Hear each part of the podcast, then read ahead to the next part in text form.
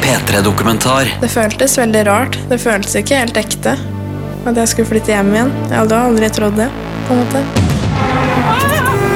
Å, guri land! Hva skjedde nå? Da møtte jeg en kollega. Vi hilsa. Men Blir du liksom ikke urolig av å tenke at du ikke skal gjøre noe annet resten av livet? Nei, egentlig ikke. Ambulansesjåføren sa at uh, du må forberede deg på det verste, liksom. Før vi hadde kjørt fra. I- P3 Natt.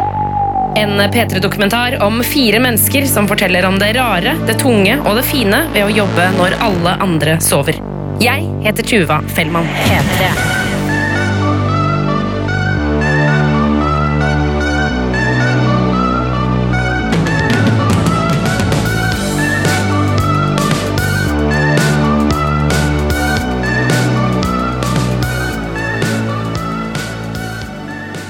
Da, hva er det du liker med Robert? Åh, alt egentlig. Han eh, Jeg liker hele personligheten hans, og han er Hva skal jeg si? Jeg var jo ikke interessert uh, når jeg først møtte han i det hele tatt. Og så bare Når du blir kjent med han Å, fy faen. Det Han er så sykt bra. I en hage i Trondheim så sitter Siri. Fyren hun snakker om, det er Robert, som er både kjæreste og samboer. Og sammen med venninnen Linda så deler de en sokkelleilighet på 35 kvadrat, hvor det er to soverom, et bad og en kombinert stue og kjøkken. Siri virker utrolig forelsket i Robert. Det er akkurat som hun får hjerter i øynene når hun snakker om han. Men det ligger også en redsel i stemmen hennes, for vi skal til 10. februar, en fredag, hvor Siri kom hjem fra jobb. Og så åpner jeg ytterdøra og kjenner at uh, Wow, her har det skjedd noe. Det lukter uh, forferdelig. Det er sånn skikkelig tung lukt da, av noe som bare Ja, som ikke Som jeg ikke har kjent før, på en måte. Sånn at uh, når jeg kommer inn, da, så ser jeg jo på soverommet, så er det jo ja, spy overalt. Ja, over hele kroppen på han, egentlig. Og han har grå joggebukse på seg, sånn at eh, man så at han hadde urinert. Så det var sikkert en blanding av det og spy som lukta. Jeg tror, det var, jeg tror han har spydd ei stund, egentlig, fordi at det var spy fra starten av døra og helt bort til han, da. Så ser jeg at han ligger og gjør noen rolige bevegelser med hendene på gulvet. Eh, øynene er lukka, og um, Så går nå bare bort, og Aller først så tenkte jeg kanskje Har han rulla ut av senga, liksom? Uh, men så ligger han jo feil vei og med klær på. så jeg går bort og bare prøver å få liv i den, for um, det ser jo ut som han er våken, egentlig, for han ligger jo og spreller litt og sånn. Så dasker han i hodet og roper og skjønner jo at her er det jo Han er jo bevisstløs. Det er jo Det er jo noe galt her. Så roper jeg ut til Linda at uh, ja, du må komme og hjelpe meg. Eh, ring 113 med en gang. Så hun gjorde jo det.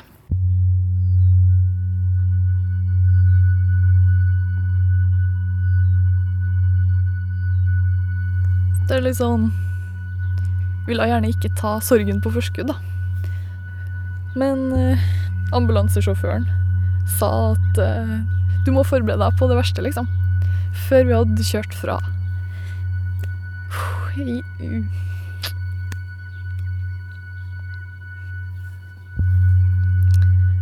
Så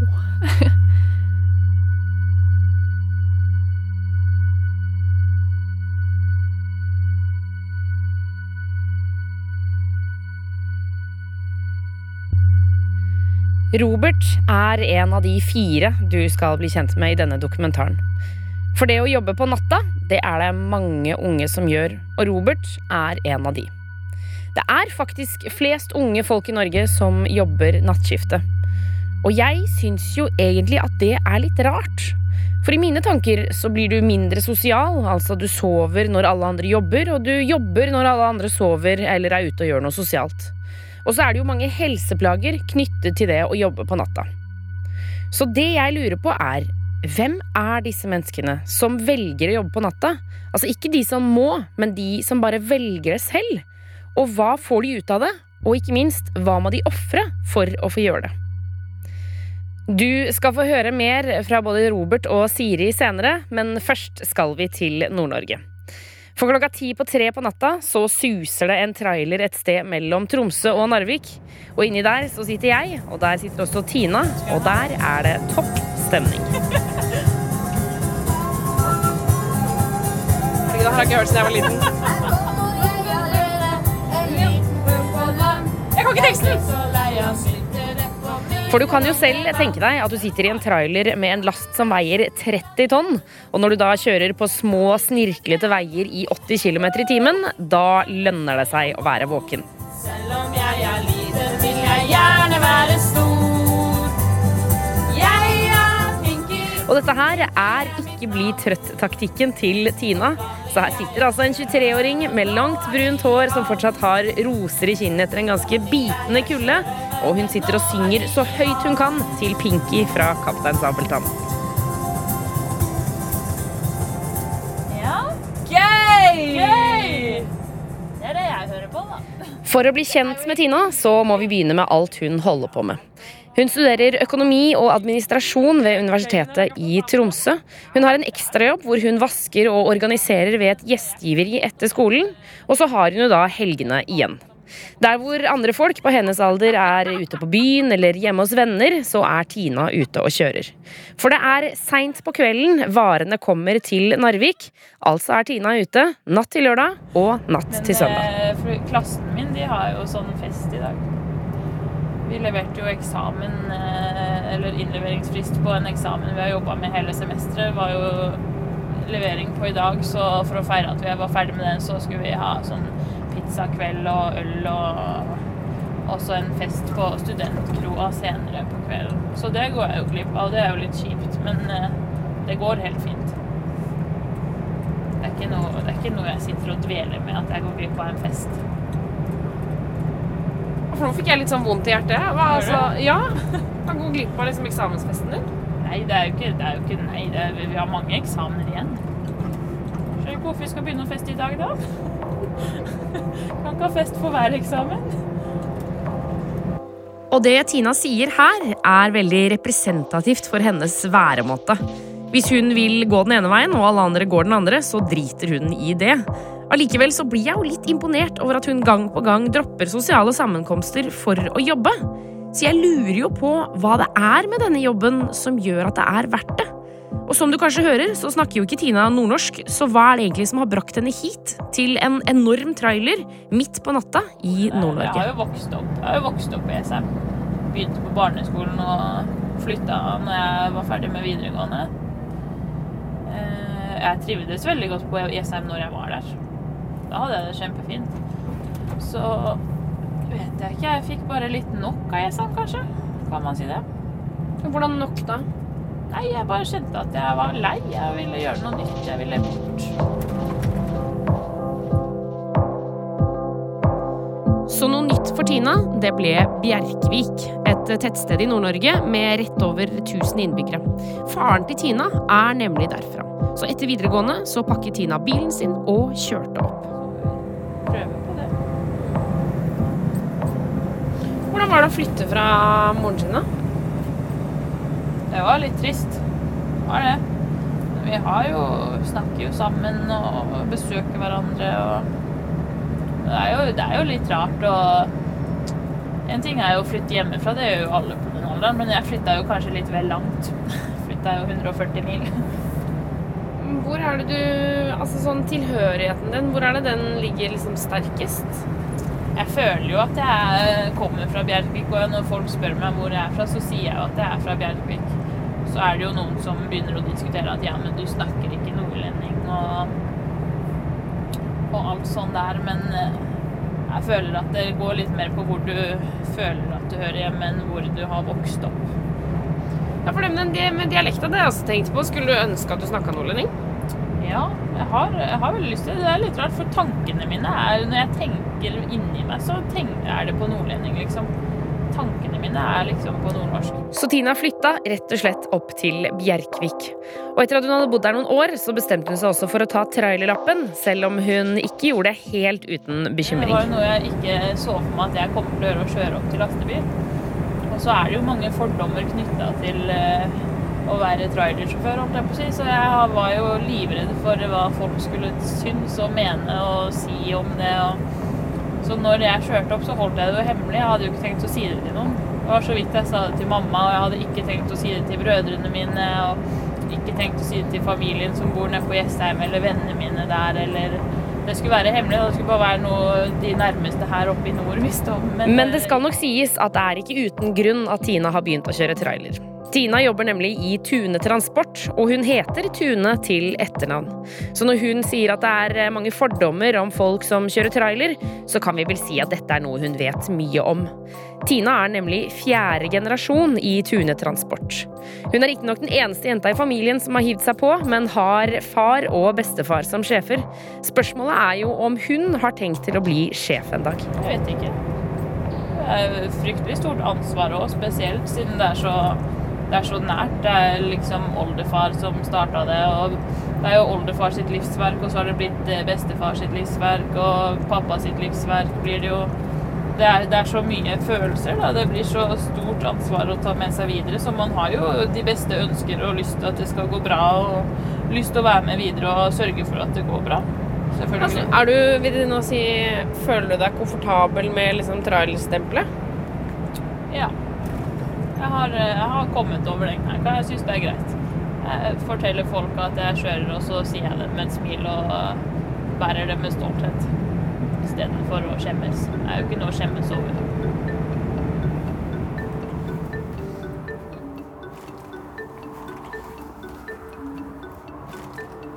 Hallo? Hei. Vi leder etter Anders, vi. Der står du. Halla. Inne på et eh, hjemmekoselig, men trangt kontor i Vestfold, så finner jeg Anders. Han er bilberger, så det vil si at hvis du låser nøkkelen inn i bilen eller korriderer, så er det Anders som kommer og hjelper deg. Rundt meg så er det verktøy, det er TV-skjermer, en liten sovekrok hvor det henger en kalender med nakne damer på, og muligens viktigst utenfor så står det en enorm grill. Nå skal vi se en film hvor vi har en kollega som står og griller. Og så står jeg og filmer. Så kommer det to andre med toghorn ut av døra og tuter på han. Har så du ute så lenge her?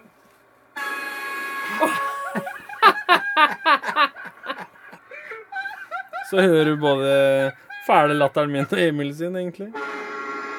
Og hva skjer med han som Nei, Han kasta pølseklypa til himmels, og så springer han av gårde som ei lita jente mens han holder seg for ørene. For dere har det mye gøy på jobben. Ja, jeg vil jo si det. Vi driver og kødder og spøker litt med hverandre innimellom, så en må jo tåle litt. For Anders, han er 27 år. Han jobber turnus og har én uke med nattevakter i måneden. Han har kort, rødt, krøllete hår og har på seg arbeidsklær og solbriller med gult gjenskinn. Han elsker Villa champagnebrus. Han elsker Toffen, som er elghunden hans, og selvfølgelig samboeren Thea. Og så elsker han jobben. Selv om det er nattevakt. Det er helt, eh, helt prima, det. Veldig trivelig. Det er jo Yrket i seg sjøl er veldig, veldig fritt, da, men eh, er, du kan eh, surre litt inn på stasjonen, smøre bilen for at alt skal fungere optimalt. Vaske litt. Ja, drive litt med vedlikehold. Du får gjort, eh, gjort veldig mye da, på nattvakt. Kontra, kontra dagtid, da, som det kanskje er enda mer å gjøre på. Men det er da trivelig med dagvakter òg, men jeg syns det er veldig koselig med nattvakter. Anders sier han har verdens beste jobb. Han skal ha den resten av livet. Han har rett og slett ikke noe behov for å gjøre noe annet. Denne jobben oppfyller alle hans krav. Men allikevel så er det ikke alle som er like begeistra for arbeidshverdagen hans. Eh, Jeg heter Thea, og jeg er 24 år. Eh, Jeg er sammen med Anders. Vi er samboere. Vi har vært sammen i eh, snart seks år. Turnusen til Anders, ja. Det er Det går bra. At han jobber dagen, det passer meg bedre. det er kjedelig når han jobber natta. For- Hvorfor er det kjedelig når han jobber natt? Jo, det er liksom aleine, da. Eller jeg pleier som regel å finne på andre ting. Men det er det at Jo, det er jo en uke i måneden som jeg jobber natta. Og plutselig så er den uka der. Og da er det sånn der Nei, Anders, jobber du natt i natt? Liksom. Men jeg breier meg utover hele senga jeg, når ikke han er hjemme. Men jeg merker jo godt at han er borte, holdt jeg på å si. Så jeg vet ikke helt hvordan jeg skal forklare det, men det er veldig tungt. Jeg har selvfølgelig tenkt på det, at han står på E18 og berger en bil. Og ja, kan bli påkjørt, da. Sånn tenker jeg veldig på. Og det er jo mange ganger han, vi snakker sammen i løpet av når han er nattevakt. Vi snakker jo veldig mye sammen. Og kanskje han liksom forteller 'nå skal jeg ut på E18', og da tenker jo jeg det sjøl. Fader òg. Liksom. Vær forsiktig, gutten min, liksom. Sier jeg jo da. Jeg får helt skikkelig sånn mageknipe. Jeg får sånn hjerte i halsen. Sier du det til han? Ja, det har jeg sagt mange ganger. Hva sier han da? Ja, det er jobben min da, Thea. Men jeg er forsiktig, sier han. Prøver så godt jeg kan, liksom. For selv om gutta på jobben til Anders kødder og griller og har det moro, så treffer de jo på en del greier. Når Anders jobber natt, så er han alene på kontoret. Det er flere bilbergere i nærheten hvis noe stort skulle skje, men i utgangspunktet så er han alene. Og mens vi kjører rundt i den store bilen midt på natta, så kjører vi forbi et lite småbruk med en avkjørsel fra hovedveien. I fjor så hadde vi en som kjørte rett ut i svingene. Traff eh, kanten der borte og hoppa over i, inn i hagen, eller den lille fotballbanen. der. Wow. Men vet du noe om hva som skjedde? Nei, det veit jeg ikke. Vi blei bare ringt etter av politiet om å hente inn, hente inn bilen. Da var det kun de som var her når vi kom. Hvordan er det å komme til situasjoner hvor det kan ha skjedd noe veldig alvorlig? Det er, jo, det er jo ikke noe gøy. Det er jo ikke. Det er aldri, det er aldri noe koselig. Så du må jo på en måte Vi får jo stort sett melding om hva som har skjedd. Da. Så gjør du, du gjør deg noen tanker eh, mens du kommer dit. Da. Men så kan det jo være at eh, det bare er en liten, liten bulking, sånn som den eh, Audien vi henta i stad. Eller så kan det være mye mer alvorlig. Da. Hvorfor hender det at du ser mennesker som, har- som har dødd, f.eks.? Det kan, eh, det kan eh, skje. Men eh, svært sjelden så er det jo det, da. Men Blir man liksom gående og tenke på de tingene i etterkant? Nei, ja, For min del så legger jeg det fra meg egentlig, egentlig på jobben. Vi, kan, vi kollegaene prater om det internt, da, så legger du det fra deg på jobben. Og så går du hjem og smiler og er glad. Men eh, det kan jo selvfølgelig komme til at du, du tenker på det. Det kan det. For det må jo være en ganske krevende jobb sånn mentalt. Ja, er, jeg vil jo si det på, på de verste ulykkene, så er det jo det er aldri noe koselig. Det er jo ikke det. Du må jo Plutselig kan det være en du kjenner, og det kan være en kompis av en kompis av. Du veit aldri hva du kommer til, eller hvem som har kollidert.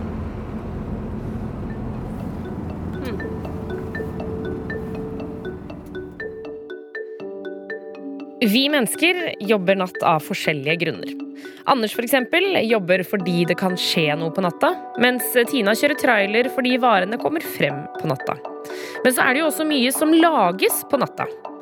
I 2016 solgte dagligvarebutikkene i Norge over 6 millioner kilo bacon. Det var såpass mye at Nortura, fabrikken som bl.a. produserer stjernebacon, så seg nødt til å sette inn et tredje skift i turnusen sin, altså nattskiftet. Og der står Anna på 19 år. Ok, Anna, hvor er det vi er nå? Nå er vi inne på fabrikken. Nå kommer vi til å se de forskjellige avdelingene. Selv er jeg ganske var på kjøtt. Jeg er nok typen som mest sannsynlig ikke hadde spist det om jeg hadde sett hvordan det ble laget. Så for meg så var det kanskje litt røft å gå inn på denne fabrikken, for den er jo utrolig svær. De lager jo også veldig mye annet, og det er kun bacon som pakkes på natta. Så mens resten av fabrikken vaskes ned med store høytrykksspylere og kjemikalier, så legger det seg en slags damp i hele fabrikken. Og denne dampen, det er nesten som at det smaker rått kjøtt. Det lukter litt rart her. Gjør det? Det er her vi stanser karbonader, og lenger inn så henger vi, røy, salter vi og røyker og henger opp bacon. Og nå er produksjonen i avdelinga er ferdig for dagen, så nå er det full vask. Så nå er det bare pakking som skal skje, liksom? Ja. Og det lukter ganske Det lukter litt ekkelt. Nei, det gjør ikke det. Du er vant med, blir vant med det her. Det lukter helt jævlig. Jeg har aldri, og kommer mest sannsynlig aldri til å se så mye bacon igjen noensinne. Anna står på samlebånd, hvor ferdigskåret bacon suser forbi henne. Først så, så jeg ikke helt hva hun gjorde. Det gikk noe bacon av, og det gikk noe bacon på båndet. Men mest så så det ut som at hun så vidt var borti de tynne skivene med kjøtt. Nå skal vi rette på baconet, passe på at det er riktig vekt. Ta ut det som er dårlig. Det som er for fett. Hvor lang tid har du cirka på liksom én baconpakke da, på å legge de liksom riktig? Tja. Ikke så lenge. Ikke så lenge. Svaret 'ikke så lenge' er nok helt riktig. For på en vanlig dag på Nortura så pakkes det 35 pakker i minuttet. Å herregud, det går fort! Og så ser vi her har vi fått noen. Ja, de er altfor tjukke. Ja, da må vi kaste. Hva gjør du nå? Nå dytter jeg baconet nedi bakken. Der er en bakk. De hvite kassene. Det er litt ekkelt. Det er veldig kaldt. Og så er det bløtt. Eh, tida går ganske fort. Du ser maskina går fort, så du må jobbe hele tida. Det går ikke an å være borte et øyeblikk. Du må alltid stå og følge med. Så her står du hele natta, da. Ja. Det gjør jeg. Anna har ikke jobbet her så lenge. Det er nemlig ikke så lang tid siden det ble slutt med kjæresten, og hun bestemte seg for å flytte hjem til mamma i Brumunddal. Hun har sagt at hun bruker en del tid på å tenke over det at hun føler at hun ikke har en plan for livet. Hva er det du, Når du liksom mister eh, motivasjonen, når ting blir liksom litt tungt, hva er det du tenker på da som gjør at du liksom orker å på en måte pushe gjennom hele vakta på natta her? Eh, Da pleier jeg faktisk å sette på litt musikk. Finne en eh, bra kanal med noe god musikk Men Er det noe du gleder deg til, liksom? i løpet Ja, sånn, sånn, av og til tenker jeg sånn Når jeg kjenner meg på jobb, så tenker jeg sånn Å, fy fader, jeg gleder meg til sommerferien. Da skal jeg dit og dit. Eller Å ja. liksom, Har du noe du ser frem til?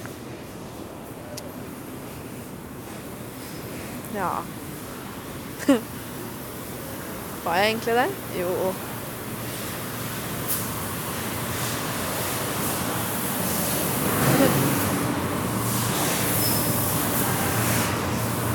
Var jeg det?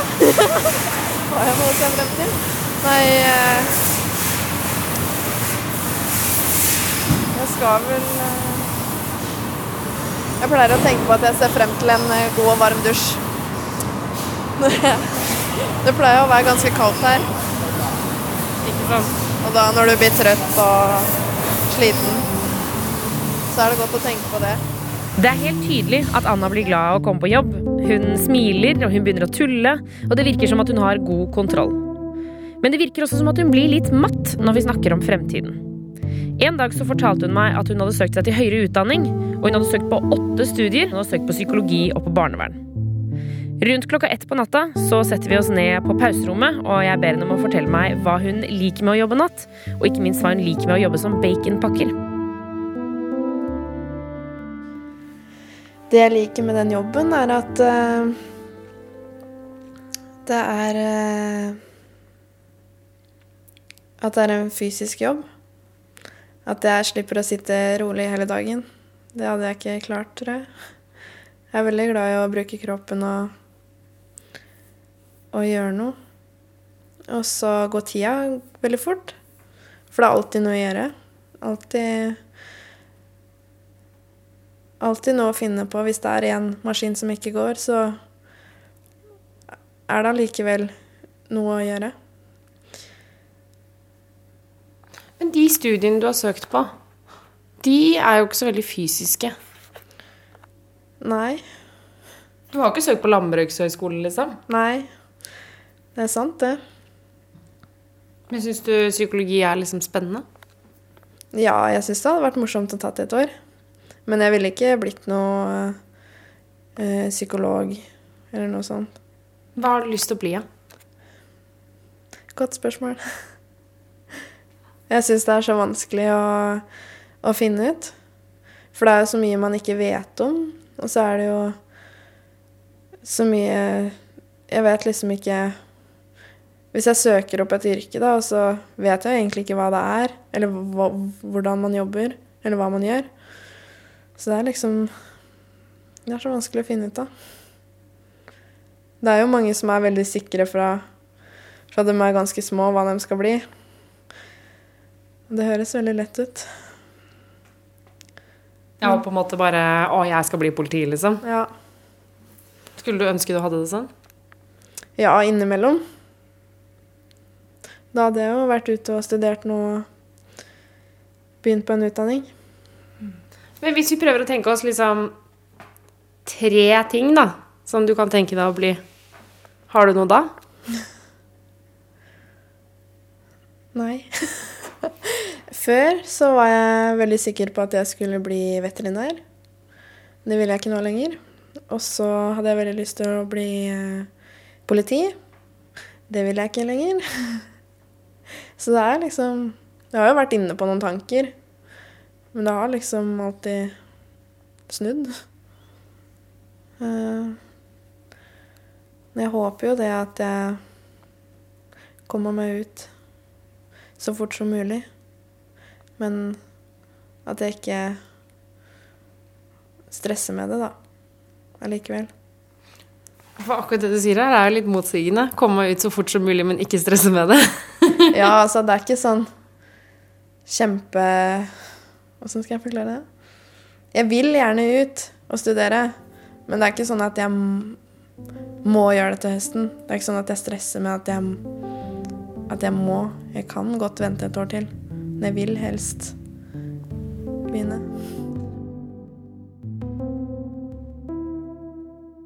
Jeg har alltid hørt at det å jobbe natt kan være farlig. At man rett og slett kan bli syk av det. Men jeg har egentlig aldri visst hvordan syk man kunne bli. Ståle Pallesen fra Universitetet i Bergen snakker ofte om dette med nattarbeidere. Det er jo slik at de som jobber natt, de får ofte dårligere søvn. Og generelt sover de kortere enn dagarbeidere.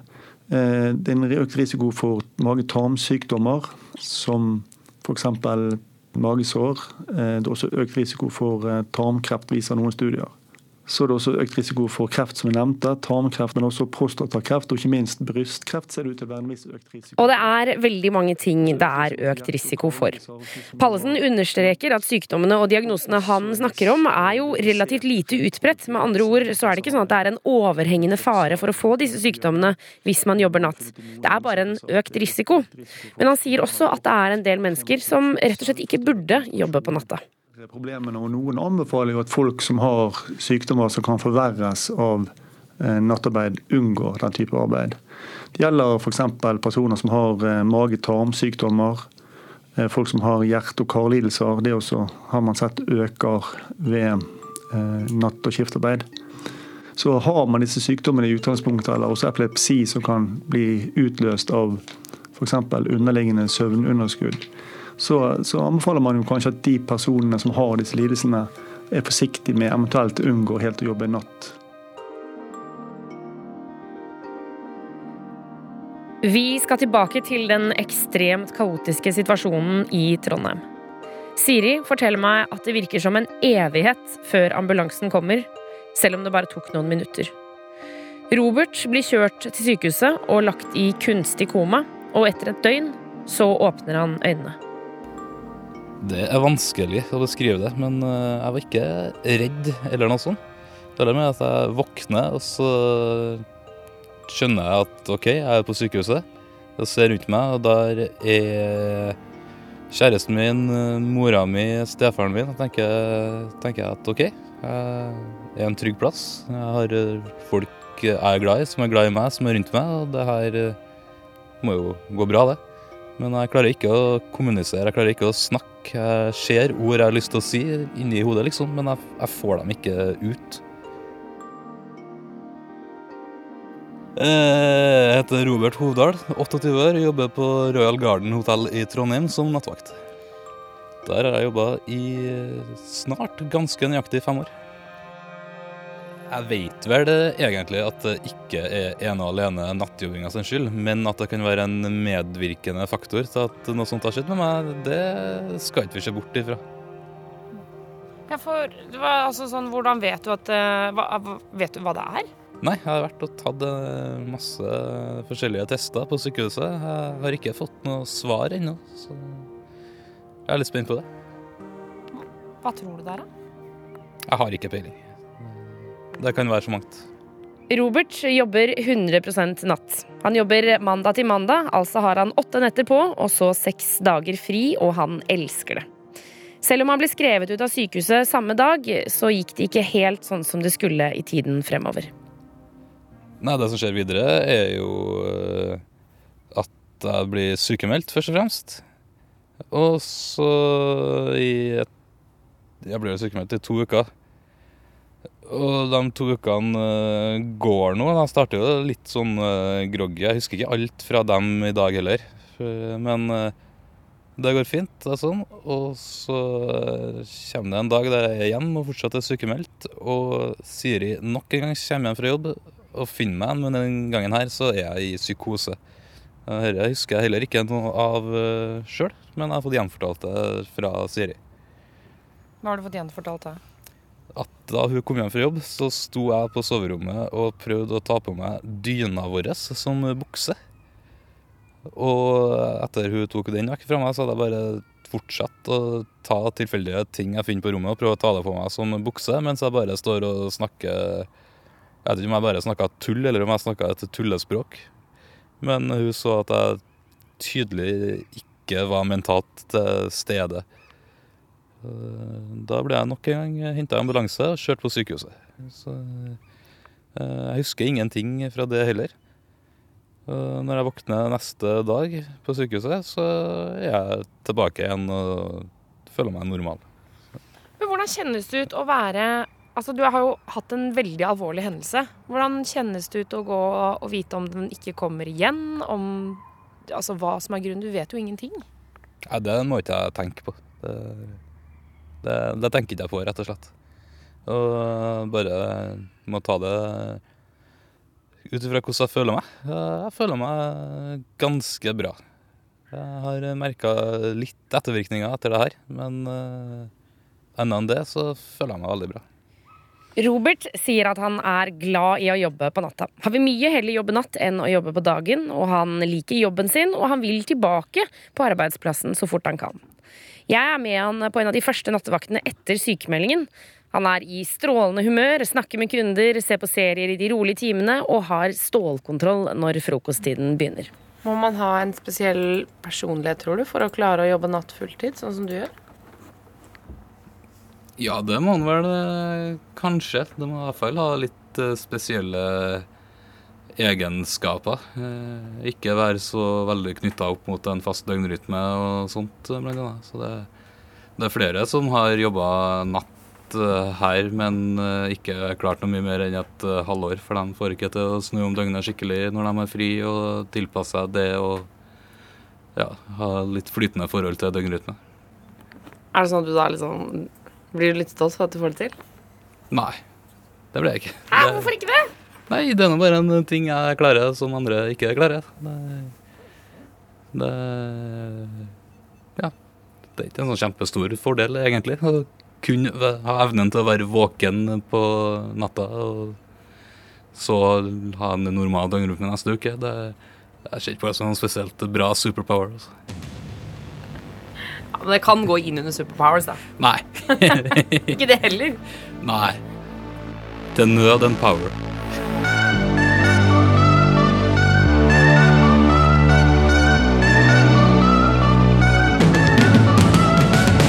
P3-dokumentar søndag klokka ni på P3. Se, les og lytt mer om denne historien når du vil på p3.no.